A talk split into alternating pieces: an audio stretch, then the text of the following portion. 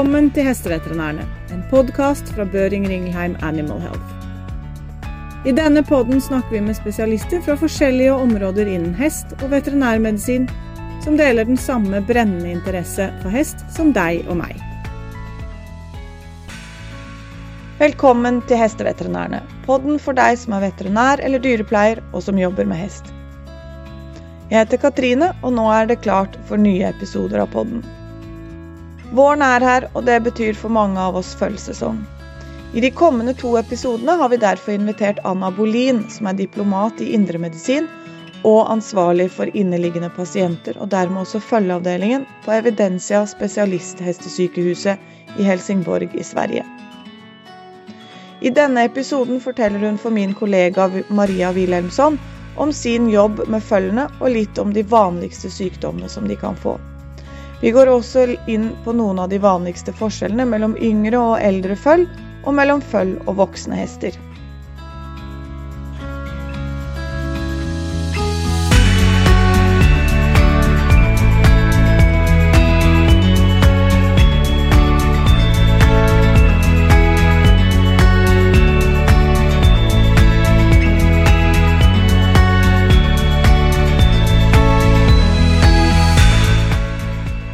Welcome to the podcast, Anna.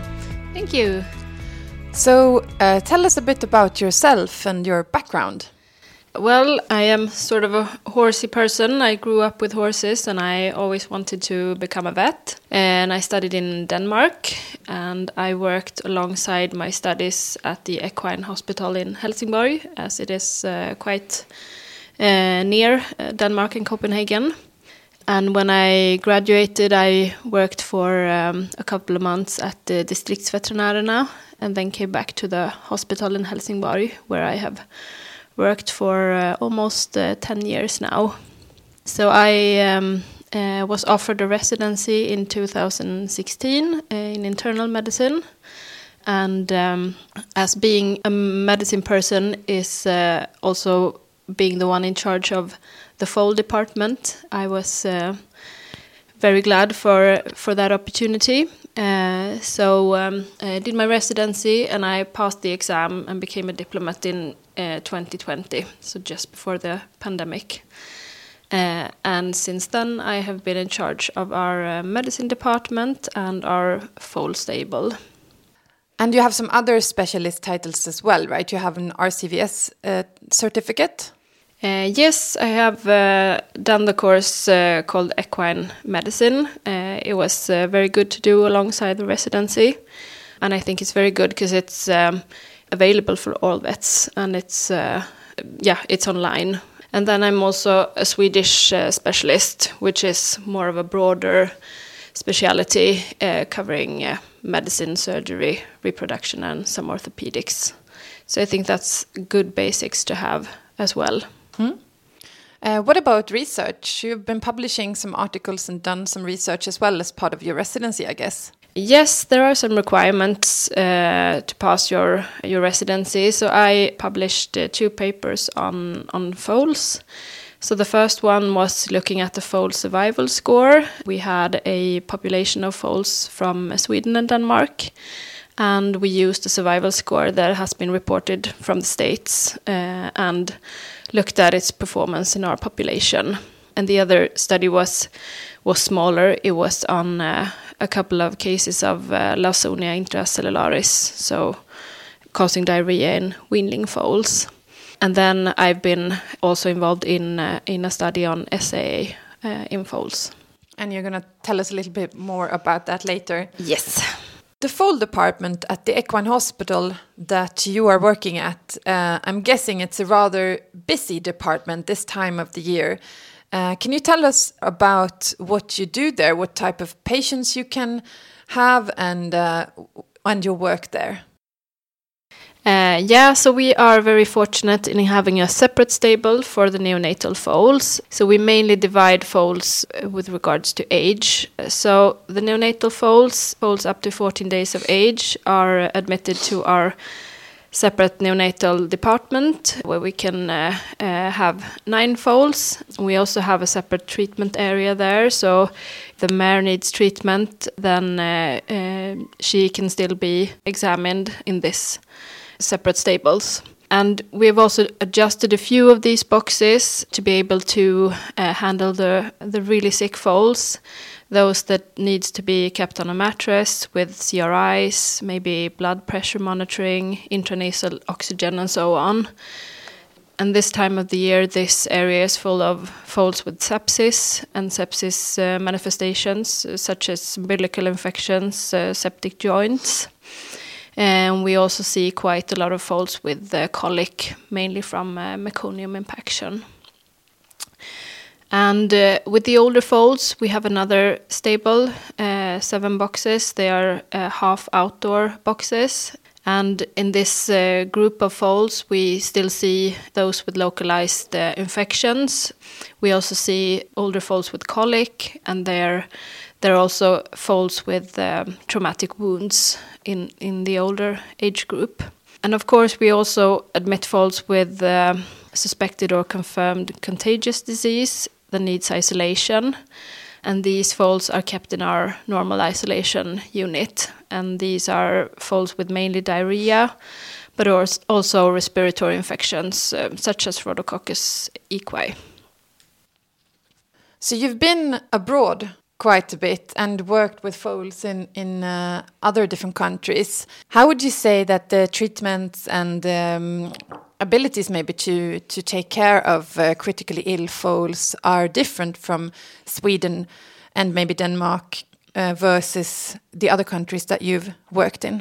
Uh, well, I think uh, insurance definitely makes a difference, as most of our foals have insurance. For many people, it's um, it's not possible to risk a big bill and and uh, no foal. So that makes a huge difference uh, in Sweden. I've met few insured horses in, in other countries. Also, the population of horses differs. Uh, when I went to Australia, there were mainly thoroughbred foals. They were very much the same, um, the same size and type type of foals. They were, on the other hand, uh, sometimes very valuable since they don't do AI. There are very few of these really well bred foals. So uh, in these instances, they were willing to spend a lot of money as well on selected cases. We see more sort of leisure horses. We we see some standard breds, but mainly we see uh, Swedish warm bloods. But we also see a variety of other breeds, such as uh, miniature Shetland ponies and Shire horses. So I think we see a broad spectrum of breeds, and I think that's very fun actually.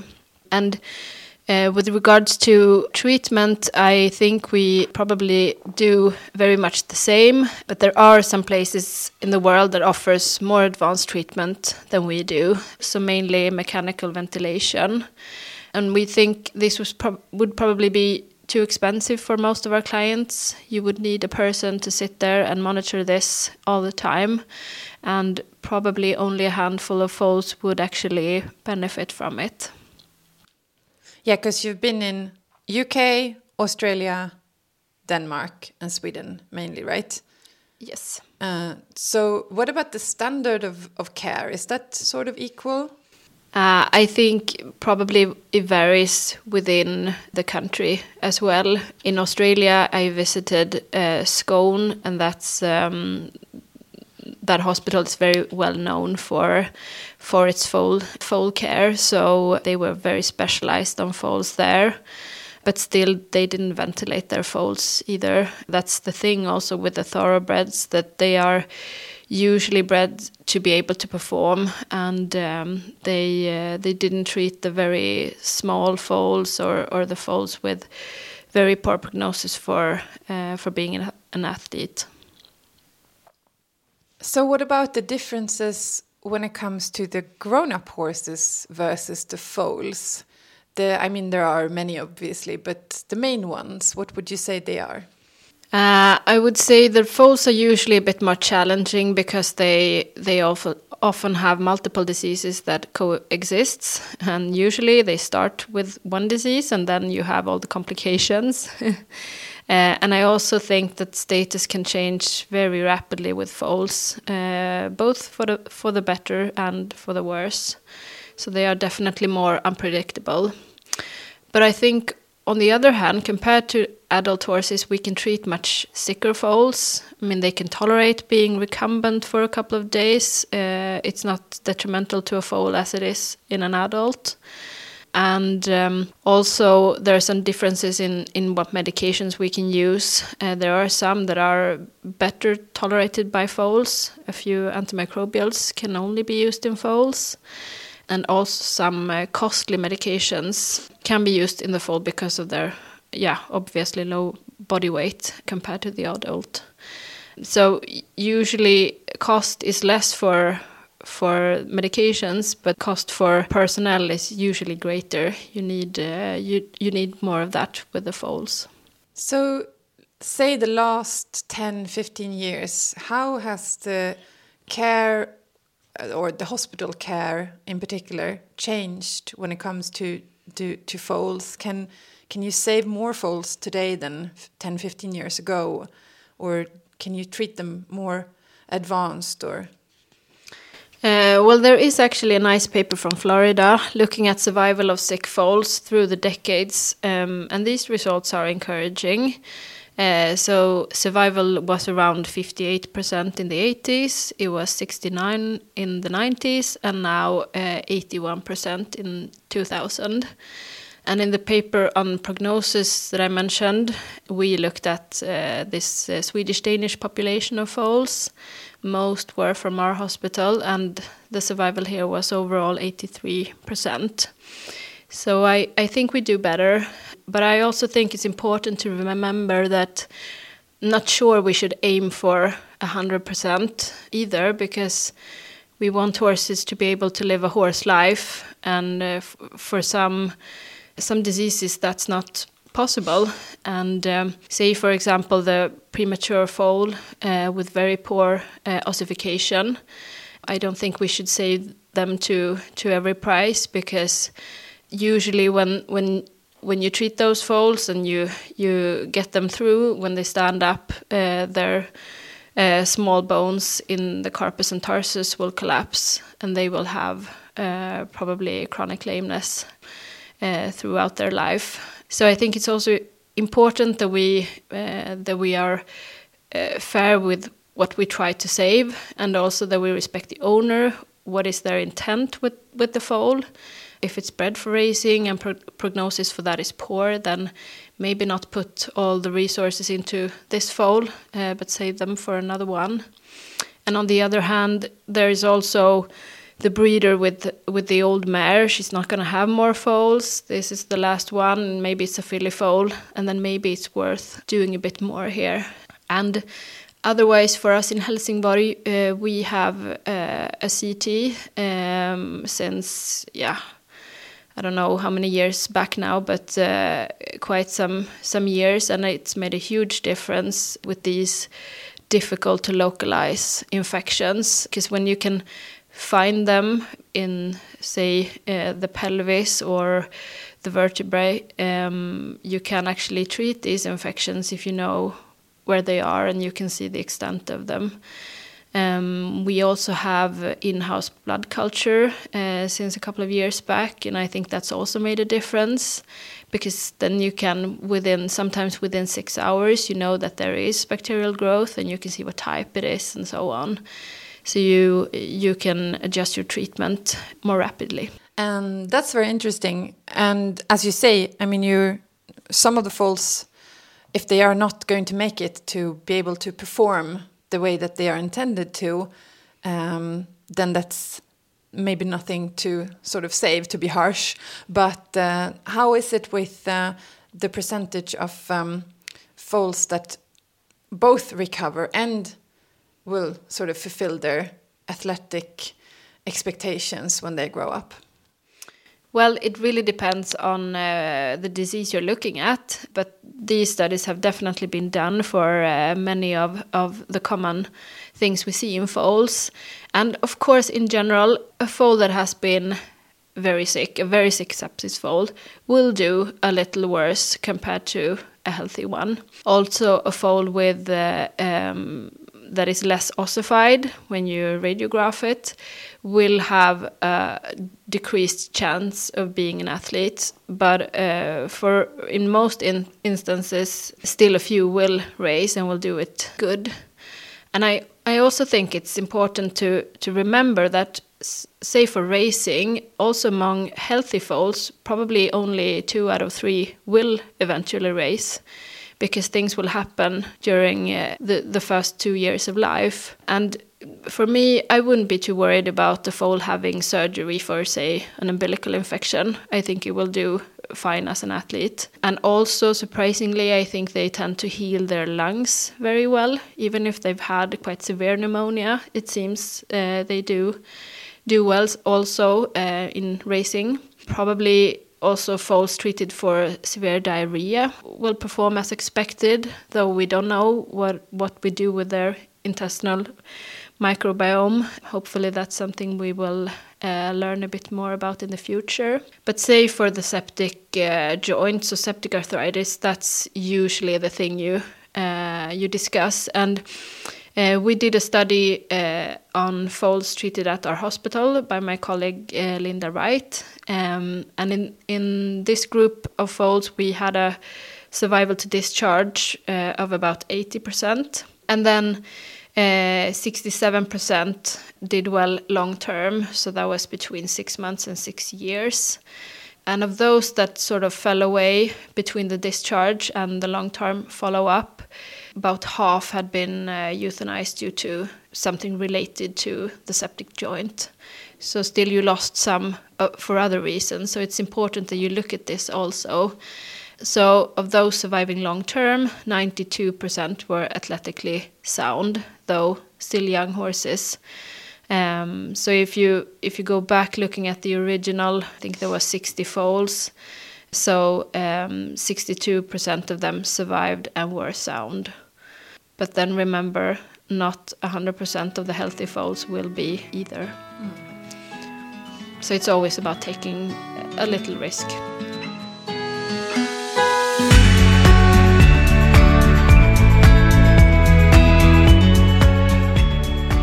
In your department or in your foal uh, department at your hospital, you have of course, in, in this time of year or March, April, May, you will mainly have newborn foals or very young foals. And then throughout summer, they, of course, the patients will also be older. How are neonatal or very young foals different from older foals when it comes to which diseases or injuries they have, and maybe a bit how you treat them as well? Yeah, so uh, with the very young foals, of course, a big group of these are septic foals with its various presentations. Um, and uh, those that are really sick uh, and, and need intensive uh, care for septic shock are, are mainly the ones less than a week old. Um, uh, but uh, the presentations such as septic joints and umbilical infections, pneumonia, diarrhea, we see that also in the slightly older foals.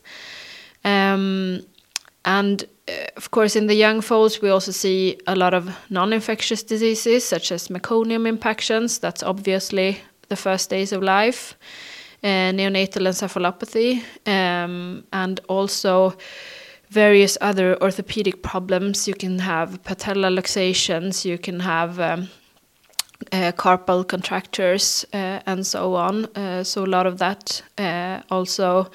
Uh, usually, when they end up at our hospital for orthopedic problems, um, they have difficulties standing up, uh, so they need quite quite a bit of help. And of course, there is also uh, each season a handful of foals with uh, congenital malformations, uh, such as a cleft palate or atresia of an intestinal segment. Um, and then we also see a few of these quite uncommon uh, problems for the practitioner in the field, but uh, they are admitted to us. So we see neonatal isoerythrolysis and urinary bladder ruptures, for example, in these uh, younger foals. So then, when foals are around two to three months of age, we know that the maternal antibodies sort of uh, are declining, uh, and the endogenous production is still quite low. So this is also a susceptible period.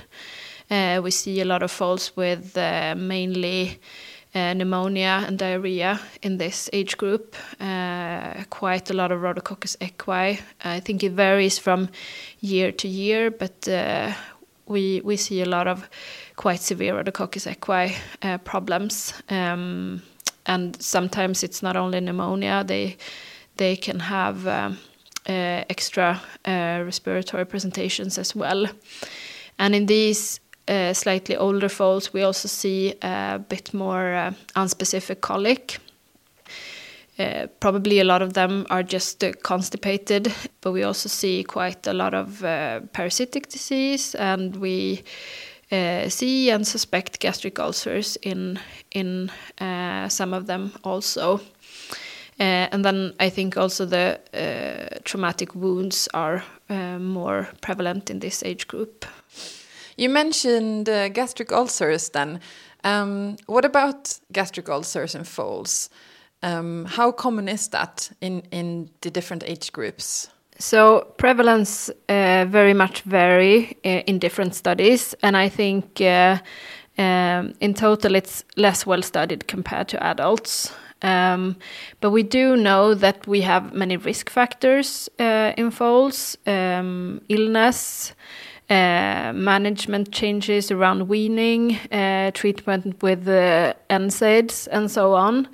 Um, so we do treat uh, a lot uh, prophylactically against gastric ulcers. Um, and I think a problem is uh, I'm quite reluctant to starve a foal. Um, and gastroscopy can be a bit challenging because you you need to reach the stomach with your endoscope. So in the slightly older foal, it needs to be long enough, and the gastroscope you use for adults is quite a, a thick one. So it's really difficult to fit that into a very small foal uh, nose. Uh, that, that's quite traumatic, um, and so I think you end up a lot with uh, with treating tr treating what you think is is a gastric ulcer. Um, but we do know we we have some uh, important facts. There there was this recent study that looked at the pH in in the stomach of sick hospitalized foals. These were young foals, and pH was uh, above four most of the time in these foals. So it didn't seem like uh, acid was their problem. Um, so usually we talk about um, perfusion being being the main issue. So uh, at our hospital, we don't treat very small foals with omeprazole, um, uh, but we treat older foals uh, with omeprazole at the same dose as the adults. So in the young foals, we use more sucralfate uh, with the thought that we are protecting uh, the glandular mucosa. As a prophylactic treatment, then? Yes, that would be prophylactic. Um, and of course, um, we also think that the foals presenting with diarrhea have uh, a bigger risk of developing gastric ulcers. Uh, and in these cases, if they are older, we would treat them probably with both sucralfate and omeprazole. And I, I think also the, the worry here is that foals can uh, can get really really sick from their gastric ulcers um, they can get uh, pyloric stenosis. Um, so that's from having probably chronic gastric ulcers, and then the healing causes stenosis, and that's uh, very very difficult to treat. There are some surgical options to bypass, but um, uh, that's rarely done. Um, and I've seen very few of these cases, but the ones you've seen is um, it's really uh, really tough with these cases because they are quite healthy foals, but they just reflux. Nothing uh, passes that tiny hole um, in the pylorus, um, and there is uh, very little you can do at that stage. Um, you would have wanted to treat them earlier. Um, and then also you uh, you can have per perforating gastroduodenal ulcers, uh, also well described. I've only seen probably one or two of these, so I think both uh, of these, um, uh, yeah, severe um, complications to gastric ulcers is also in our population, but they are very rare, um, and I think it's probably because uh, we have very few places where uh, foals are intensively bred. It seems to be more in these uh, very big studs. Um, and we see more foals bred. Uh, there's an owner with uh, one or a couple of foals. There are some uh, bigger uh, places as well, but usually they have quite, they have uh, a lot of land. Foals are outside in groups, and they have a, a good life there as well. Yeah, you mentioned the treatment, but um, how would it be different then from uh, foals compared to adults? You mentioned that the older foals you give omeprazole the same dose as the adults. Is it also the same length and the same sort of management measures, or how do you how do you how do you think there? Yeah, when you when you talk about it, uh, you definitely think that hey, we should do more gastroscopy in, in foals because obviously that's the way to tell how long we treat. I mean, treatment length is very different in adults uh, depending on follow up gastroscopy, but usually I would treat probably three weeks. And then uh, do some sort of a follow up also. Is the foal otherwise doing well? Is it growing? Is it does it look uh, healthy um, otherwise? And then probably go from there. You mentioned the parasites as well um, when it comes to the older foals um, how what is important here when it comes to parasite treatment and uh, what to think of when it comes to these foals? Well, I think it's important to remember that uh, you're not going to have uh, eggs in the feces if parasites aren't um, reaching adult stages. So they can still have parasite problems even if your fecal egg count uh, shows you nothing. Um, so you sort of need to think about uh, the likelihood of infection. Um, and I think here in Sweden we are uh, nicely uh, told and educated that we should have fecal uh, egg counts before we prescribe anything, but that's different in the foal.